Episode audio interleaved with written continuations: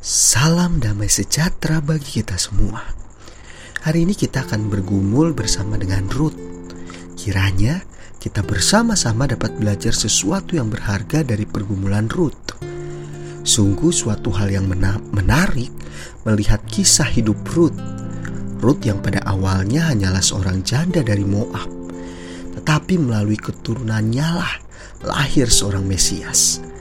Dalam kitab tertulis Ruth mempunyai anak bernama Obed yang kemudian kakeknya dari Daud dan juga nanti menuju kepada Yesus.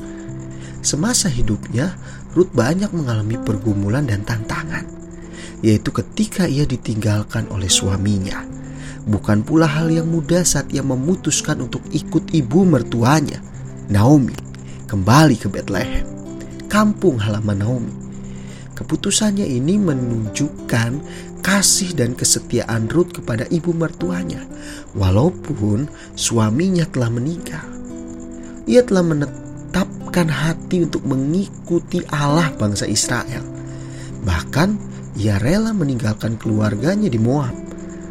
Ruth juga mengaku dengan tegas bahwa ia mempercayai Allah yang disembah Naomi.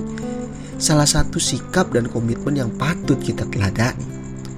Setibanya di Bethlehem, suatu tempat yang asing baginya, Ruth bersusah payah menghidupi dirinya dan Naomi.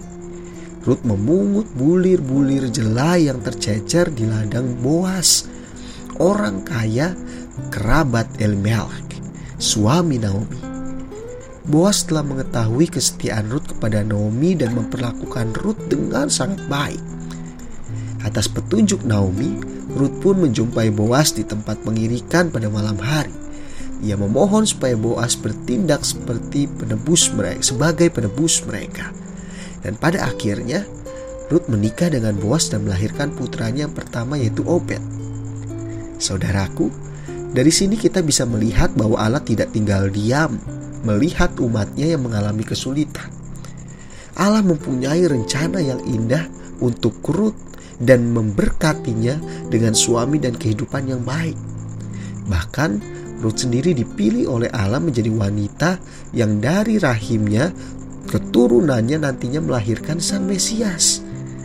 Semua ini dikarenakan Ruth memiliki kepribadian dan iman yang menakjubkan sungguh luar biasa. Berkaca dari kehidupan Ruth, marilah kita selaku umat percaya juga senantiasa memiliki cinta kasih dan berlaku setia dalam segala hal. Serta jangan lupa bersandar penuh hanya kepada Tuhan. Belajarlah seperti Ruth, walaupun hidup tidak mudah, tapi kita bisa tetap setia bersama dengan Tuhan. The Lord bless you and keep you.